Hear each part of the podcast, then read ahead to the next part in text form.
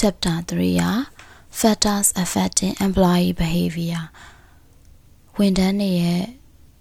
ပြုမှုဆောင်ရွက်ပုံကိုလာပြီးတော့တက်ရောက်တဲ့လာပြီးတော့ပြုပြင်ပြောင်းလဲစေတဲ့အချက်အလက်တွေပေါ့အဲ့မှာသူကနံပါတ်1ကဘာပြောလဲဆိုရင် motivation what is motivation motivation ဆိုတာဘာလဲဝန်ထမ်းတွေအလုပ်သမားတွေရဲ့ motivation ဆိုတာဘာလဲပေါ့နော် motivation ဆိုတာတဲ့ context တွေအမျိုးမျိုးမှာအများကြီးဘာသာပြန်နိုင်တယ်ဒါပေမဲ့ဒီနေရာမှာ तू ကနှစ်မျိုးဘာသာပြန်ထားတယ်နံပါတ်နံပါတ်1ကကျတော့ mental process တဲ့နော်စိတ်ပိုင်းဆိုင်ရာဖြစ်စဉ်ဘယ်လိုမျိုးလဲဆိုတော့ the mental process of choosing desired outcomes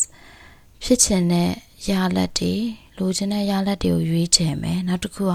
deciding how to go about them အဲ့ဟာကိုရဖို့ဘယ်လိုသွားမလဲလမ်းကြောင်းကြည့်မယ်နောက်တစ်ခုကဖြစ်နိုင်လားမဖြစ်နိုင်လားဘယ်လောက်ဖြစ်နိုင်ခြေရှိတယ်သူစဉ်းစားမယ်ပြီးတော့အားထုတ်မယ်ဘယ်လောက်အားထုတ်ရမလဲသူစဉ်းစားမယ်ပြီးရင်ဘယ်လောက်အားထုတ်ရမလဲဆိုတဲ့ကောင်အားထုတ်မယ်ပေါ့ဒီ mental process ကိုじゃဘယ်လိုဘယ်လိုလဲဆိုတော့ intrinsic motivation လို့သူတို့သတ်မှတ်ထားတယ် intrinsic motivation ဆိုတာကိုယ့်ရဲ့အတွင်းထဲကဖြစ်လာတာပေါ့နော် individual တူတယောက်ချင်းစီအတွင်းကနေရကျင်တာရကျင်တဲ့အချက်လက်တွေအဲ့အချက်လက်ကိုရကျင်လို့လှုပ်ဆောင်သွားတဲ့ဖြစ်စဉ်တွေဒါကသူက mental process ကနေဖြစ်လာတဲ့ intrinsic motivation နောက်တစ်ခုသူနောက်တစ်ခုအနေနဲ့သူဘာသာပြန်ထားတာကတော့တဲ့ social process ကနေဖြစ်လာတဲ့ motivation motivation ကိုနှမျိုးရှိတယ်ပေါ့ တခုက mental process ကနေကိုယ်အတွင်းထဲကနေဖြစ်ချင်လို့ကိုဖြစ်လာတဲ့ motivation အဲဒါ intrinsic motivation နောက်တစ်ခုကကြတော့ organization ကစုတွေပေးမယ်ဒါမှမဟုတ်လို့ရှင်ဒဏ်ပေးမယ်ဒီကိစ္စတွေကြောင့်မလို့ကိုကဖြစ်တဲ့ motivation ပေါ့နော်ကြားစရာစုရှိလို့ဒါမှမဟုတ်လို့ရှင်လည်းအပြစ်ပေးခံမှာဆိုလို့ဖြစ်လာတဲ့ motivation ကကြောင့် extrinsic motivation တဲ့အဲဆိုရင် what is motivation လို့ အိရှာဘာသာမှာမေးတဲ့အခါမှာသူက intrinsic motivation ကိုယ့်အကိုဖြစ်လိုချင်တဲ့ intrinsic motivation နဲ့အပြင်ကတက်ရောက်လို့လိုချင်ရတဲ့ extrinsic motivation ဆိုပြီးတော့နှမျိုးရှိတယ်။အဲ့ဒီ motivation တွေကိုချင်းကပ်တဲ့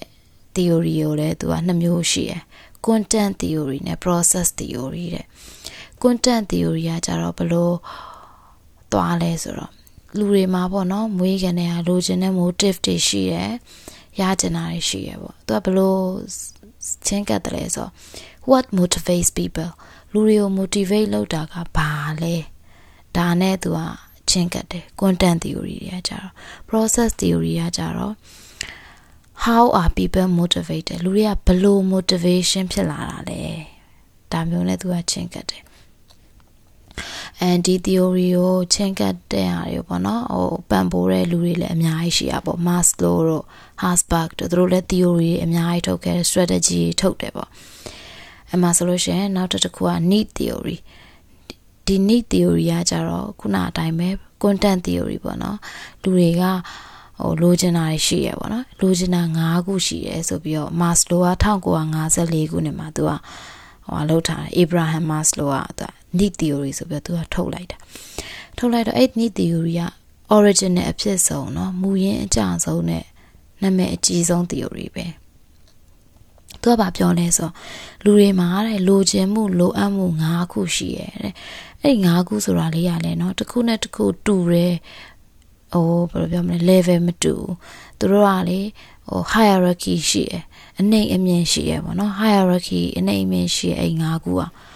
အဲ့၅ခုကဘာတွေလဲဆိုလို့ရှင်ပထမဆုံးအနှိမ်ဆုံးဟာကျတော့ physiological need physiological need ကဘယ်လိုလဲဆိုတော့နေစရာလိုချင်တယ်နေလို့နေစရာလိုချင်တယ်စားစရာလိုတယ်အိပ်ဖို့လိုတယ်ဒါက physiological need ဒုတိယသူ့ထက်နည်းနည်းမြင့်လာ safety needs လုံခြုံခြင်းနဲ့ဟိုအမ် ဘယုတ်ဒုက္ခတွေဖြစ်မနေခြင်းဘူးတခုခုဆိုရင်ခက်မှန်းလို့ရခြင်းနဲ့လွတ်ဟိုအန်ဒီရတွေမရှိခြင်းဘူးဒါ safety needs ဒါဆို need နှစ်ခုရှိသွားပြီပထမတစ်ခုက physiological needs ခန္ဓာကိုယ်ပိုင်းဆိုင်ရာအရာလိုအပ်တဲ့အစားအစာလိုချင်တယ်နေနေစရာလိုချင်တယ်အိတ်ချင်တယ်နောက်တစ်ခုက safety needs လုံခြုံချင်တယ်နောက်တစ်အိတ်ထက်တစ်ဆင့်ပုံမြင်တာ love or social needs love or social needs ဆိုတော့စက်သွယ်မှုတွေရှိခြင်းနဲ့ အချစ်တွေရှိကျင်တယ်တနေရာရာမှာကိုယ်နဲ့သက်ဆိုင်ပါလားဆိုတဲ့ခံစားချက်ကလေးတွေရှိကျင်တယ်နောက်ထပ်ဒီထက်ပိုမြင့်တာ esteem needs သူကကျတော့လွတ်လပ်ခြင်းတယ်လူတွေအတိမတ်ပြူတာခံခြင်းတယ်နေရာတစ်ခုရှိခြင်းတယ်ဟိုတစ်ဖက်လူကလေးလေးဆဆဆက်ဆံတာခံခြင်းတယ်ဒါ esteem needs နောက်ဆုံးအမြင့်ဆုံးကကျတော့ self actualization တဲ့သူကဟိုကိုယ့်ရဲ့ဖြစ်နေသမျှကို ဖြစ်နိုင်သမျှအကောင်းဆုံးအများကြီး fulfill ဖြစ်သွားခြင်းတာပေါ့နော်ကိုယ့်ရဲ့တကူရေးစာရနိုင်သမျှတွေ potential တွေကိုအများကြီးတိုးတက်ခြင်းတာဒါကထိတ်ဆုံးက pyramid လိုမျိုးဆိုရင်သူကထိတ်ဆုံးမှာရှိရဲ့ need ဒါ need theory မှာပြောထားရပါတော့ need theory က Maslow က1954တုန်းကပြောထားတာဒီ၅၅ခုပေါ့နော် hierarchy လေးရှိရဲသူကအောက်ဆုံး need ရှိမယ်အဲ့လိုမျိုးပေါ့နော်သူက တခုဒီပေါ့နော်ဒါမဲ့ဒါ theory ပဲရှိသေးတာတဲ့နော်ဟိုအလောက်ကနေလဲတရိုက်ကြီး derive လုပ်ထားတာထုတ်ထုတ်ပေါ်ထားတာလည်းမဟုတ်ဘူးပေါ့နော်နောက်တစ်ခုကကျတော့ဟိုလူတူတယောက်ချင်း individual တယောက်ချင်းစီရဲ့အလုပ်နဲ့နောက်တစ်ခုသူတို့ရဲ့စံသတ်မှတ်ထားတဲ့စိတ်ထဲမှာစံသတ်မှတ်ထားတဲ့နဲ့ပေါ်တော့မူတည်ပြီးတော့ဒီ needs တွေကတော့ဟို ပြောင်းလဲတော့ပြောင်းလဲနိုင်တာပေါ့တယ်နောက်တစ်ခုကကျဒီဟာသူက research လုပ်ထားတာ UK နဲ့ US မှာရှိတဲ့ဟိုစံတန်ဘိုးတွေဟိုပဲအခြေခံပြီး research လုပ်တာဖြစ်တဲ့အတွက်တခြား context တွေမှာဆိုလို့ရှိရင်တော့နည်းနည်းပြောင်းလဲရှိနိုင်တယ်ပေါ့နော်ဘလိုပဲဖြစ်ဒီဟာကားတဲ့ဒီပေါ့နော်လူတွေက သူတို့ရဲ့ခုနပြောတဲ့ higher order needs တွေပေါ့နော်အပေါ်ဆုံးထိတ်ဆုံးမှရှိရဲ့ဟိုအောက်ကဟိုခန္ဓာကိုယ်ရလိုအပ်တဲ့ဟာတွေအစားအသောက်လိုအပ်တာတွေလုံခြုံချင်တာတွေထပ်ပို့ပြီးတော့မှဆက်သွယ်မှုရှိချင်တာတွေနောက်တစ်ခုဆက်သွယ်မှုရှိချင်တာတွေအဲအတိမတ်ပြုခံရချင်တာတွေကိုယ့်ရဲ့အကောင်းဆုံးလုပ်ချင်တာဒါတွေကတော့အဲ့ hierarchy မှာအမြင့်ဆုံးဖြစ်နေမှာပဲတဲ့ဒါက need theory နောက်တစ်ခုကကျတော့2 factor theory တဲ့2 factor ဆိုတော့အချက်နှစ်ချက်ပေါ့နော်ဒီ2 factor theory ကကျတော့ဘယ်သူကလုပ်လဲဆိုတော့ Frederick Herzberg က1966မှာသူကဘယ်လိုဖြစ်လာလဲဆိုတော့ engineer တွေနဲ့ accountant တွေကိုသူက interview ပြီးတော့ဒီကောင်ဖြစ်လာတာပေါ့နော်သူက individual အလုံးမှာဆိုရင်လည်းလူတွေအတွက် basic need နှစ်ခုရှိလိမ့်မယ်တဲ့ပထမတစ်ကကျတော့မနစ်မြို့စရာကောင်းတာတွေကိုရှောင်လွဲကျင်တာ အဲဘယ်လိုမျိုးတွေလဲဆိုတော့မနစ်မျိုးစရာကောင်းတာတွေကိုရှောင်လွှဲချင်တာဆိုတော့ဟို fair treatment လို့ခြင်းတယ်ညီညီမြမြဆက်ဆံခံခြင်းနဲ့ညီညီမြမြ supervisor အောက်မှာညီညီမြမြပဲဆက်ဆံခံခြင်းနဲ့အလုပ်အခြေအနေတွေကလည်းလောက်ကန်ရတဲ့ပတ်ဝန်းကျင်အခြေအနေကိုလည်းကောင်းကောင်းလေးပေါ့နော်ကောင်းကောင်းလေးဆိုတာဆိုဆိုဝိုင်းမနေခြင်းဘူးပြီးတော့သူတို့ကိုသူတို့ကိုဆက်ဆံနေတဲ့ admin တို့ဘာတို့ကလည်း fair treatment လိုချင်တာပေါ့ပြောချင်တာ ဒါကြတော့ဒီ factor ကကြတော့ဒီ negative factor ကကြတော့ hygiene factor လို့သူကနာမည်ပေးထားတယ်ဘယ်လိုမျိုးလဲဆိုတော့အလုံးမှာဟိုမကျေနပ်မှုတွေကိုနည်းနိုင်သမျှနည်းအောင်ထားမယ်ပေါ့နော်နည်းနိုင်သမျှနည်းအောင်ထားရင် performance တက်လာမယ်ပေါ့လူကဒါပေမဲ့လည်း မကျေနပ်မှုမရှိဘူးဆိုပေမဲ့လည်းဒီမကျေနပ်မှုမရှိတဲ့လူက motivation တွေအရင်ကြီးရှိနေမယ်လို့လည်းပြောလို့မရဘူးတဲ့เนาะ။ဘာလို့ဆိုတော့ဒီဟာကဒီ hygiene factor ကကြတော့လေ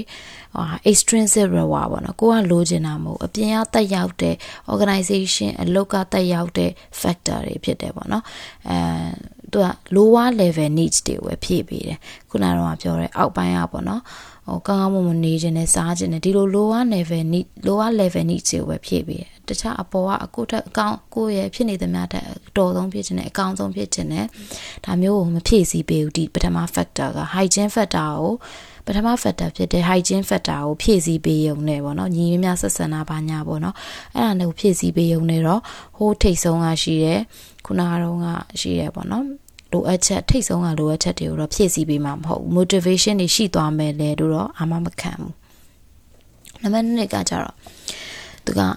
သူ့ရဲ့အလုပ်ကိုပေါ့နော်လူရဲ့အလုပ်ကို occupation ကိုယ့်ရဲ့အလုပ်ကိုမြင့်တင်ခြင်းတာ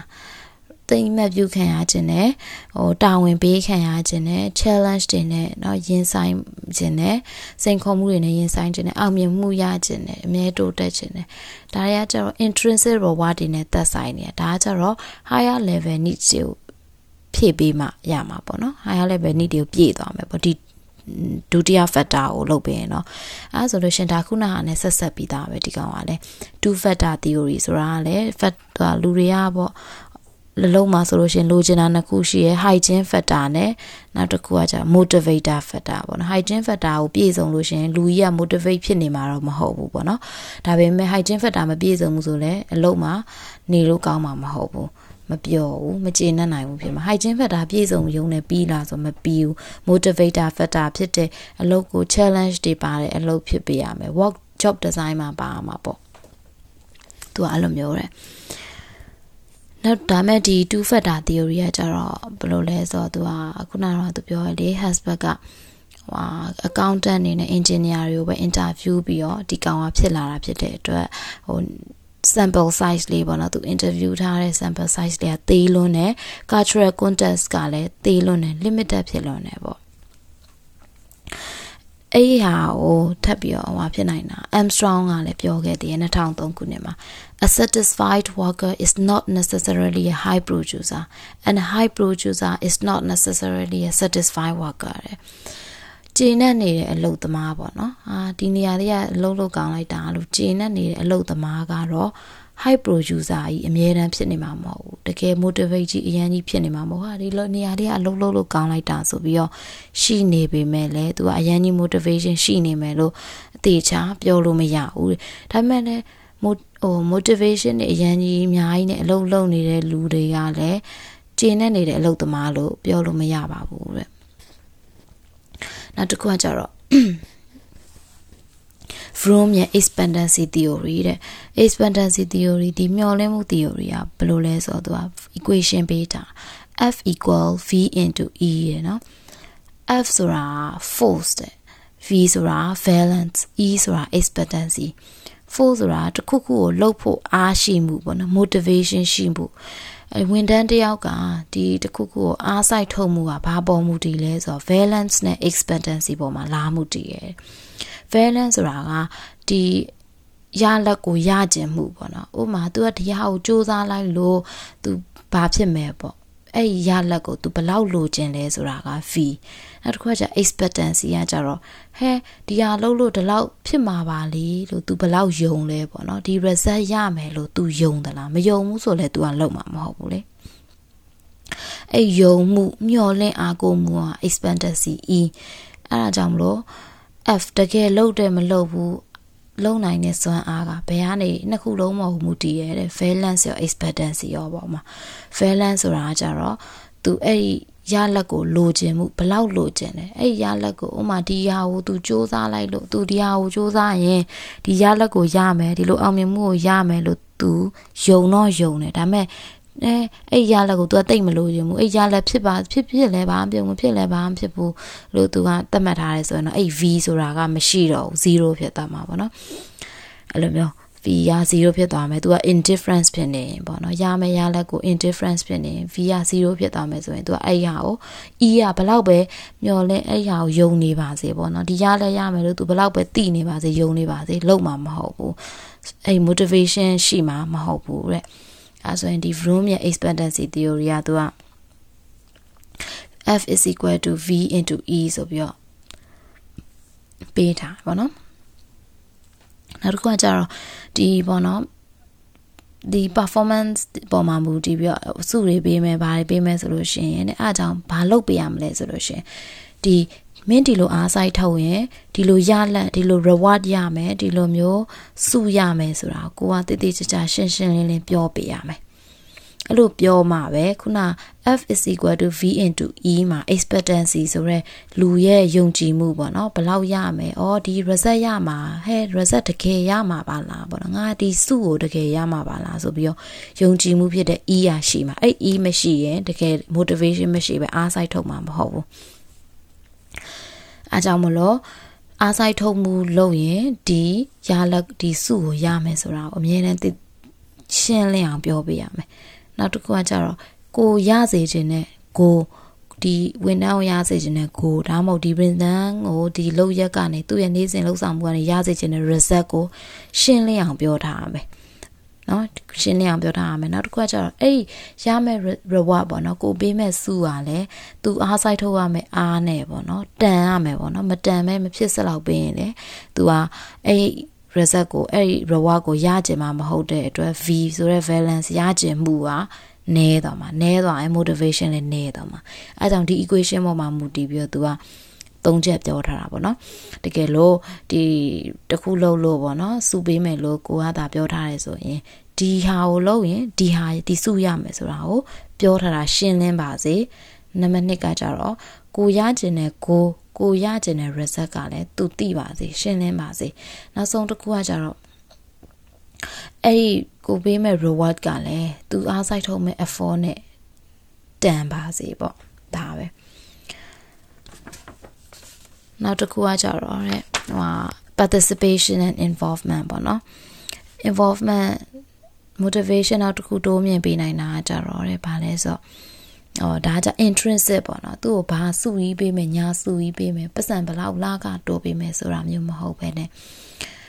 အဲ့ဝန်တန်းနဲ့ပေါ့နော်အလုပ်လုပ်တဲ့လူနဲ့ အလုံးလုံးတဲ့လူနဲ့သက်ဆိုင်တဲ့ decision တွေဆုံးဖြတ်ချက်တွေချတဲ့အခါမှာဒါမှမဟုတ်လို့ရှင်လဲသူတို့ပေါ်တက်ရောက်မဲ့ဆုံးဖြတ်ချက်တွေဥမာအဲဘာတွေဖြစ်မလဲပေါ့အလုပ်အခြေအနေပေါ်မှာမူတည်မှာပေါ့အဲအဲ့လိုဆုံးဖြတ်ချက်တွေချတဲ့အခါမှာသူတို့ကိုလည်းပေးပြီးတော့ပါပေါ့နော်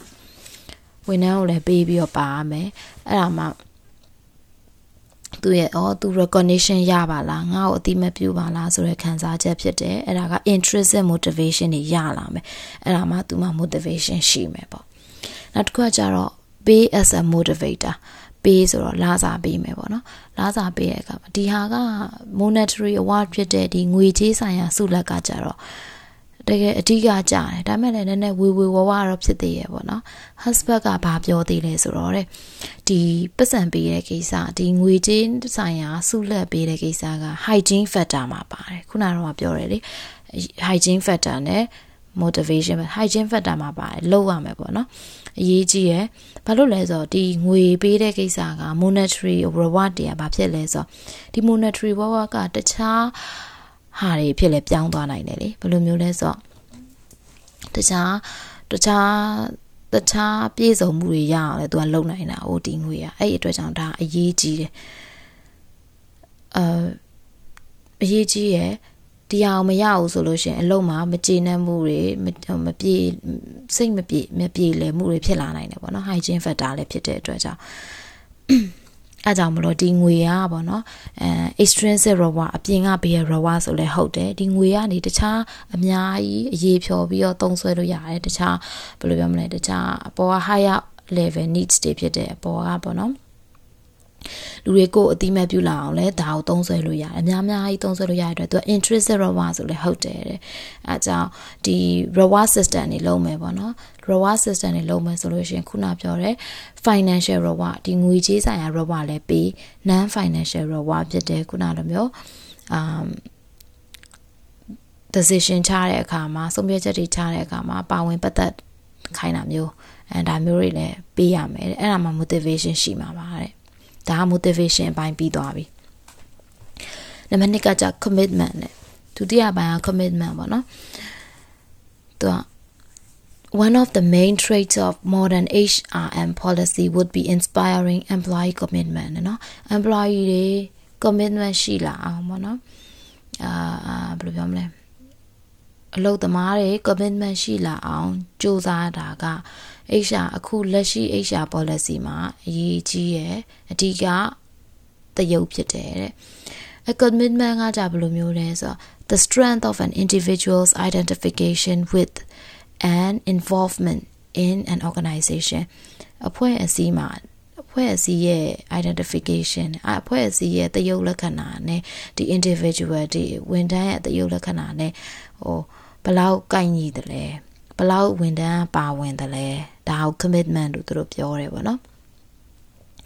HRM philosophy မှာလည်းဒီကောင်ကအရေးကြီးရဲ့တဲ့အာ commitment ကဘယ်လိုလဲပြောသေးလဲဆိုတော့ attachment and loyalty ဘယ်လိုမျိုးချီနှောင်ထားတယ်နောက်တစ်ခုကသစ္စာရှိတာပေါ့နော်အမ်မိုးရေကဘယ်လိုပြောထားလဲဆိုတော့ဒီဝန်ထမ်းတယောက်ကဒီ organization အပေါ်မှာ commitment ရှိမရှိဆိုတာအချက်၃ချက်နဲ့ကြည့်လို့ရတယ်တဲ့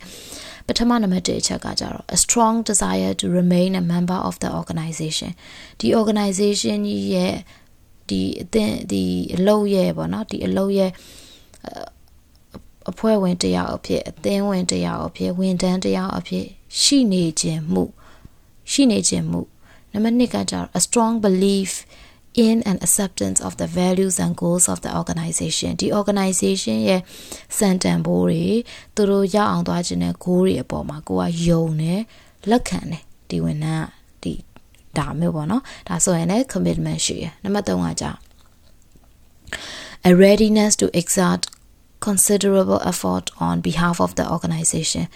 organization ရဲ့အစားပေါ့နော်အားတွေဟိုလုံလုံလောက်လောက်ကြီးစိုက်ထုတ်ဖို့အမြဲတမ်းအသင့်ဖြစ်နေဒါမျိုး၃ခုတယ်၃ခုရှိနေပြီဆိုလို့ရှိရင်ဒီ employee က commitment ရှိတယ်လို့မိုးတေးကဟိုသတ်မှတ်ခဲ့တယ်ပေါ့နောက်တစ်ခုကကြတော့ commitment strategy commitment strategy ဆွဲမယ်ပေါ့နော် commit ဖြစ်လာအောင်ဝန်ထမ်းတွေဒီ organization ကြီးတစ်ခုလုံးက high commitment ဖြစ်တယ် commitment တွေအများကြီးရှိရဲ့ organization ကြီးဖြစ်အောင်ဆိုလို့ရှိရင်အချက်၁၀ချက်ပေါ့နော်အဆင့်၁၀အဆင့်နဲ့သွားလို့ရမယ်တဲ့နံပါတ်1အဆင့်ကကြတော့ communicating the values and aims of management and the achievements of the organization ဒီကိုယ့်ရဲ့ management ရဲ့ပေါ့နော်ဒီ organization ကြီးရဲ့စံတန်ဖိုးတွေ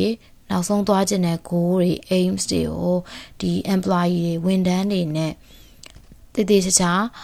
ဆက်သွယ်ထားဝန်ထမ်းတွေသိပါစေပေါ့နော်ဒီ organization ကြီးရဲ့ goal ကဘယ်ကိုသွားခြင်းတာဒီ organization ကြီးရဲ့သတ်မှတ်ထားတဲ့စံတန်ဖိုးဆိုတာဘာတော့เนาะအဲ့လိုမျိုးပြောမှ အဲ့လိုမျိုးကိုရှင်းရှင်းလင်းလင်းသိနေမှ employee တွေဝန်ထမ်းတွေကလည်းသူတို့ဒီ organization ကြီးအတွက်အလုပ်လုပ်ရတာကိုကြည်နဲ့မှာ proud ဖြစ်မှာပေါ့နောက်တစ်ခုကကျတော့ management team ကိုလည်းပြောထားတယ်နံပါတ်1အဆင့်ကကျတော့ commitment ဆိုတာက two way process ဖြစ်တယ်ပေါ့နော် two way process ဆိုတော့နှစ်လမ်းသွားဖြစ်မှာပေါ့ အဲ employee တွေကိုပဲကြည်ဟင်ဒီကောင်တွေငါတို့ commitment လုပ်ဘူး commitment လုပ်ဘူးပေါ့နော် commitment လည်းမရှိဘူးတေချာလည်းမကြိုးစားဘူးလို့ပြောလို့မရဘူး management ဘက်ကနေလည်းဟမ်သူတို့ကိုဟိုဒီ organization ရဲ့အရေးပါအရာရောက်သူတွေအဖြစ်အတိမတ်ပြုရမယ်သူတို့ contribution တွေကိုအတိမတ်ပြုရမယ် commit တဖန်ပြန်လုပ်ရမယ်အဲ့ဒါမှလည်းဟိုဟာတွေကဝန်ထမ်းတွေကလည်းအော်ငါတို့သူတို့လည်းငါတို့ commit လုပ်တယ်ငါတို့လည်းသူတို့ commit လုပ်မယ်ဒီလိုမျိုးနှစ်လန်းသွား process တစ်ခုဖြစ်တယ်ပေါ့နံပါတ်3ကကျတော့ climate of trust တခုတည်ဆောက်ရမယ် climate of trust ဆိုတော့ယုံကြည်ရမယ်ပေါ့နော်ယုံကြည်စေရမယ်ဘယ်လိုလဲဆိုတော့ပြောရင်ရိုးရိုးသားသားပြောမမှန်ကန်ကန်ဆက်ဆံမယ်နောက်တစ်ခုကကျတော့ consistently ပေါ့နော်ဟိုဥမာဒီလပြီးလို့ bonus ပေးမယ်ဆိုရင်ပေးလိုက် အဲ့ဒါယူဟိုရွှေ့တီရွှေ့မလုပ်နဲ့ပေါ့နော်မပေးနိုင်ရင်မပေးနဲ့ပေါ့အဲ့လိုမပေးနိုင်မပြောနဲ့အဲ့လိုမျိုးနောက်တစ်ခုကကျတော့အဲ့ဝန်ထမ်းတွေ employee တွေပြောတဲ့ comment တွေ suggestion တွေကိုနားထောင်ကျင်တယ်ဆိုတာကိုပြရမယ်ပြသရမယ်ဒါက climate of trust တခုတည်ဆောက်ရမယ်ပေါ့နောက်တစ်ခုက positive psychological contract ရှိရမယ် ဒါကတော့ချရေးထားမှာမဟုတ်ဘူး contract ဆိုတော့ဟိုချရေးထားမယ့်ကိစ္စတော့မဟုတ်ဘူးဒါပေမဲ့ဟို employee တူးချင်းစီနဲ့ employer နဲ့ကြားထဲမှာမချရေးထားပဲနဲ့ရှိနေတဲ့တယောက်နဲ့တယောက်အပေါ်မျောလင်းချက်တွေပေါ့နော်အာ employee ကလည်းအာသူ့ကိုလာစာမမှန်ပေးမယ်လို့မျှော်လင့်မယ် employer ကလည်း သူတို့ဟောငါ့ကိုတော့သစ္စာမဖောက်ဘူးအလုပ်သေးချာလုံးမှာပဲလို့မျှော်လင့်မယ်ပေါ့နော်ဒီလိုမျိုးဟာက positive ဖြစ်နေရမှာပေါ့ဒီ psychological contract က positive ဖြစ်နေရမယ်နောက်တစ်ခုကကျတော့ partnership agreement နဲ့ဒီမှာ trade union တွေဘာတွေရှိရပေါ့နော်အလုပ်သမအလုပ်သမသမဂ္ဂတွေဘာတွေရှိရဆိုလို့ရှင်လည်းသူတို့ ਨੇ ဟိုဟာ partnership agreement ဖြစ်လာရမှာပေါ့နော်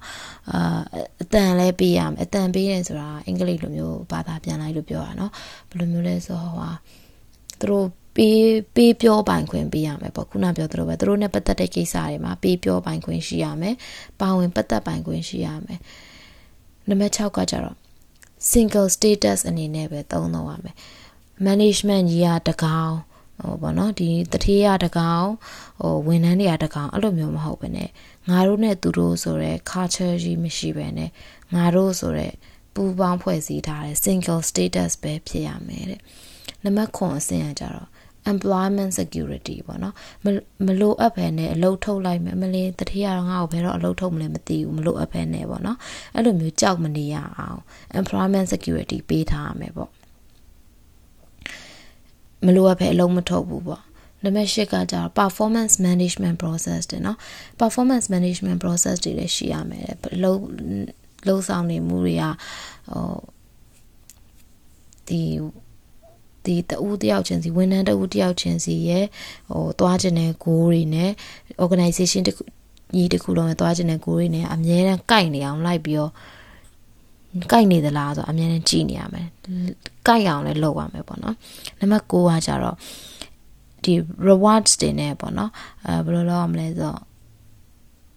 employee ရပေါ့ဝန်ထမ်းကဒီ organization ကြီးရဲ့အစိတ်ပိုင်းတစ်ခုဖြစ်လာအောင်လို့ဝန်ထမ်းကိုလည်းပေါ့နော် um profit sharing လုပ်တာမျိုးပေါ့နော်ရလာတဲ့ profit ကိုဘယ်လောက် percentage ပေးတာမျိုးဒါမျိုးတွေသုံးလို့ရတယ်ပေါ့ဒါ rewards နဲ့ commitment ရှိလာလို့တာနံပါတ်10အကြောင်း job engagement ပေါ့နော်အာ job engagement ဆိုတာခုနပြောတဲ့အတိုင်းပဲအောက်ပိုင်း level needs lower level needs တွေဖြစ်တဲ့ဘာလဲဆိုတော့ ခုနဟိုစားစရာနေစရာလုံးလုံးလောက်ရှိတာအပြင်အပေါ် higher level နေတပြ challenge တွေပေးမယ်အလုံးမှာဟို recognition ပေးမယ်အသိမှတ်ပြုမယ်ပေါ့ဒါမျိုးတွေနဲ့ engagement ရှိလာအောင်ထားမယ်ပေါ့ဒီချက်ဆယ်ချက်ကကြတော့ဝန်ထမ်းတွေ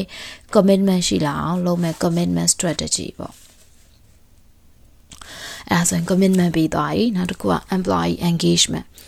employee က engagement လုပ်လားမလုပ်လားပေါ့နော်ဒါ engage လုပ်တယ်မလုပ်ဘူးဆိုတာ ကြည့်မယ်ဝန်ထမ်းတွေကအာပေါ့နော်ဘယ်လိုမျိုးလဲဆိုတော့ဒီမှာ manager တွေရတဲ့ manager တွေက like the idea of having engaged employees and dislike the prospect of having disengaged employer employees တဲ့ engage ဖြစ်တဲ့ဝင် employee တွေကိုပဲလိုချင်တယ် disengage ဖြစ်တဲ့ employee တွေကိုသိမကြိုက်ဘူးအဲ့ဒါဘာတော့အဲ့ဒါဘာပြောချင်တာတော့ပေါ့နော် employee engagement ဆိုတာဘာပြောချင်တာလဲ employee engagement ဆိုတာဘာလဲဆိုတော့ Alpha က2010တုန်းကပြောခဲ့တယ်ပေါ့နော် engagement ဆိုတာကတဲ့ engagement မှာမျက်နှာစာ၃ခုရှိတယ်ဆိုပြီးတော့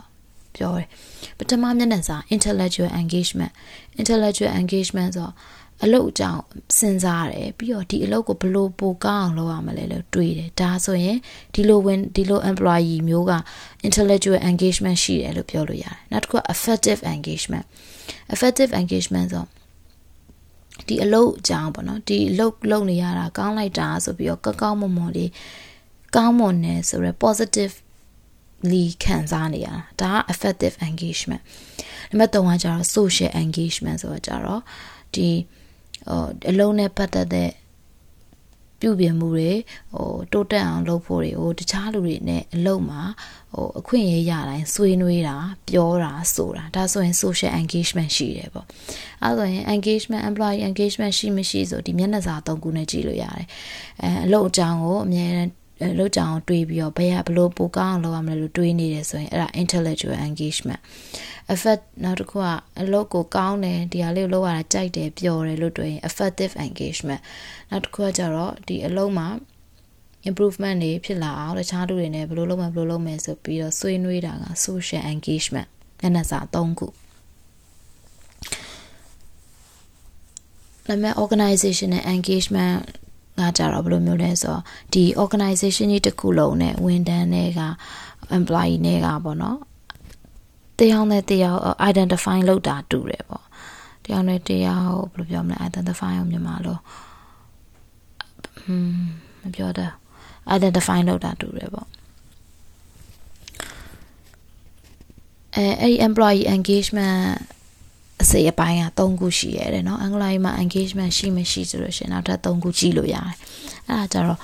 ခုနပြောခဲ့တဲ့ motivation ရယ် commitment ရယ် organization နဲ့ citizenship behavior ရယ် motivation ရှိသလား motivation နဲ့ရှိတယ်ဟုတ်ပြီနောက်တစ်ခုက commitment ရှိသလား commitment ရှိတယ်ဟုတ်ပြီ organization နဲ့ citizenship behavior ရှိသလား organization နဲ့သူနဲ့သက်ဆိုင်တယ်လို့သိ သိနေသလားထင်နေသလားခံစားနေရသလားဒီသုံးခုရှိရင် engagement ရှိရပဲအဲဆိုရင် employee engagement ရှိလာအောင်ဘယ်လိုလုပ်မလဲပေါ့နော် employee engagement ရှိလာအောင်ရှိမရှိပုံမှာလာပြီးတော့တက်ရောက်တဲ့အချက်တွေရှိတယ်အဲ့ဒါဘာလဲဆိုတော့ job challenge နံပါတ်1ကကြတော့ဟိုမှာ job အလုပ်လုပ်ရတဲ့အလုပ်ကကျေပြန့်တယ်ဟို responsibility တာဝန်ယူမှုတွေကလည်းမြင့်တယ်အလုပ်ကလည်းများတယ်ပေါ့နော်ဒါဆိုလို့ရှိရင်ဟို ပြီးမြောက်အောင်မြင်ဖို့ကြိုးစားရပြီတကူရေးစားတိုးတက်ပြီဒီအတွက်ကြောင့် job challenge ရှိလာရင်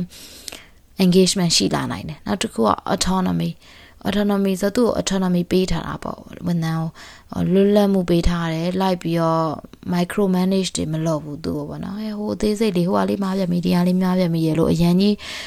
အသေးစိတ်လိုက်ပြီးတော့ manage မလုပ်ဘူး independence ပေးထားတယ်နော် သူ့ရဲ့အောက်ဒီအလုပ်ရဲ့အောက်ခံပေါ်မှာလည်းသူ့ကိုတာဝန်ယူခိုင်းထားတယ်ဒါဆို autonomy ပေးထားတယ်ဒါဆိုလည်း employee engagement တက်လာနိုင်တယ်နောက်တစ်ခုက variety အလုံးမှာလုပ်ရမယ့် activity တွေများတယ်ပေါ့နော်သူကဒါမှမဟုတ်လည်းသူ့ရဲ့သူ့တက်ကြွတဲ့ skill တွေအများကြီးကိုသုံးရတယ်ဆိုလို့ရှင်လည်းဒါ variety ရှိတယ်ပေါ့နောက်တစ်ခုက feedback သူလုပ်တဲ့အလုပ်ပေါ်မှာဝန်ထမ်းလုပ်တဲ့အလုပ်ပေါ်မှာဟိုဓာတ်ရိုက်ဖြစ်တဲ့ဟိုရှင်းလင်းတဲ့ဟို ရှင်းလင်းရှင်းရှင်းလင်းလင်းနဲ့ feedback ပြန်ပေးတာမျိုးပေါ့နော်ဟိုဘယ်လောက်တက်ရောက်သွားတယ်ဘယ်လိုဖြစ်သွားတယ်ဆိုတာကိုရှင်းရှင်းလင်းလင်းနဲ့ direct feedback ပြန်ပေးတယ်အဲ့ဒါဆိုလို့ရှိရင်လည်း employee engagement တက်လာနိုင်တယ်နောက်တစ်ခုက fit ဒီအလုံးနဲ့ဒီအလုံးဒီအခုသူလုံနေတဲ့အလုံးနဲ့ဒီလူနဲ့ကဘယ်လောက် fit ဖြစ်လဲဘယ်လောက် compat compatibility ရှိတယ်ပေါ့ဘယ်လောက်တယောက်နဲ့တယောက်ဒါကြိုက်လဲပေါ့ဒီလူနဲ့အလုံးနဲ့ဘယ်လောက်ကြိုက်တယ်လဲကြိုက်လေဟွာဖြစ်လေပဲ เนาะအဲကြိုက်လေ employee engagement တက်လေပဲနောက်တစ်ခုကကျတော့ opportunities for development ဒီအလုပ်တွေလုပ်လို့ပေါ့နော်သူ့မှာတက်လန်းမရှိဘူးဆိုရင် employee engagement တက်မှာမဟုတ် အလုပ်ကလည်း meaningful ဖြစ်တဲ့အဓိပ္ပာယ်ရှိရဲဟိုတက်လန်းလည်းရှိရဲဆိုလို့ရှိရင်သူက employee engagement တက်လာမှာနောက်တစ်ခုက rewards and recognition ခုနပြောပြီးသားလို့ပဲဟို direct reward တွေလည်းပေးလို့ရမယ် indirect reward တွေလည်းပေးလို့ရမယ်ပေါ့နော်ဟိုခုနကတော့ intrinsic motivation ကိုပေးတဲ့ reward တွေလည်းဖြစ်နိုင်တယ်ပေါ့နော် percent reward လည်းဖြစ်နိုင်တယ်ဒါမှမဟုတ်လို့ရှင်လည်းတခြားပေါ့ recognition ပေးတာပေါ့အဲအဲ့လိုမျိုး reward လည်းဖြစ်နိုင်တယ် reward ပေးပေါ့အဲ့ဒါအဲ့အချက်တွေက အဲ့အချက်ဘယ်နှချက်တော့ job challenge autonomy variety feedback fit opportunities for development rewards and recognition 1 2 3 4 5 6ခုအဲ့ခုနှစ်ခုကိုဂယူးဆိုင်ပြီးတော့ဂယူးဆိုင်ရမယ်အဲ့ခုနှစ်ခုက employee တယောက် engagement ရှိမရှိကိုလာပြီးတော့တက်ရောက်နိုင်လို့အဲနောက်ဆုံးတစ်ခုကじゃ ban out burn out ဆိုတာကကျတော့ engagement ရှိလွန်းတယ်ပေါ့နော် engagement ကြောင့်ဖြစ်လာတဲ့ negative sides မကောင်းတဲ့အချက်ကကျတော့ burn out ဖြစ်မယ်တဲ့ burn out ဆိုတာကျတော့ စိတ်ပိုင်းဆိုင်ရာပင်ပန်းသွားပြီမောသွားပြီဒါမျိုးဆိုရင် burn out ဖြစ်တယ်လို့သူတို့ကပြောတယ်